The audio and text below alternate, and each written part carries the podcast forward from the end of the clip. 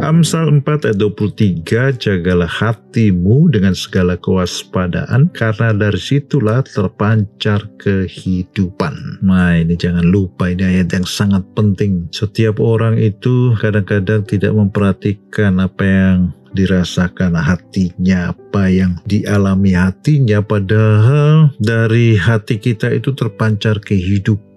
Orang yang hatinya sakit, oh, hidupnya pasti juga sakit, badannya sakit, masa depannya juga sakit. Tapi orang yang hatinya dijaga dengan waspada, kata firman Tuhan ya, berarti tidak mengizinkan hatinya itu terbujuk untuk sakit hati, kecewa, kesal, takut, semua yang bisa membuat hati kita kacau itu kita jauhkan dari diri kita. Dijaga hati kita kita jangan sampai terbujuk untuk mengalami itu dan menjaganya dengan sangat hati-hati dan waspada. Banyak orang membiarkan aja ya situasi buruk membuat dia kesal, benci, pikiran negatif membuat dia sirik sama orang lain, jengkel sama orang lain. Hatinya mudah sekali diombang-ambingkan untuk merasakan hal-hal yang buruk dan menganggap itu hal yang biasa. Waduh salah sekali. Kita bisa menjaga hati kita sekalipun kita mengalami situasi yang buruk, mengecewakan, menakutkan. Kita tidak mau terbujuk, melainkan kita tetap menjaganya dan mengarahkan hati kita kepada Tuhan. Kalau kita jaga, maka kehidupan akan memancar dari situ dan akan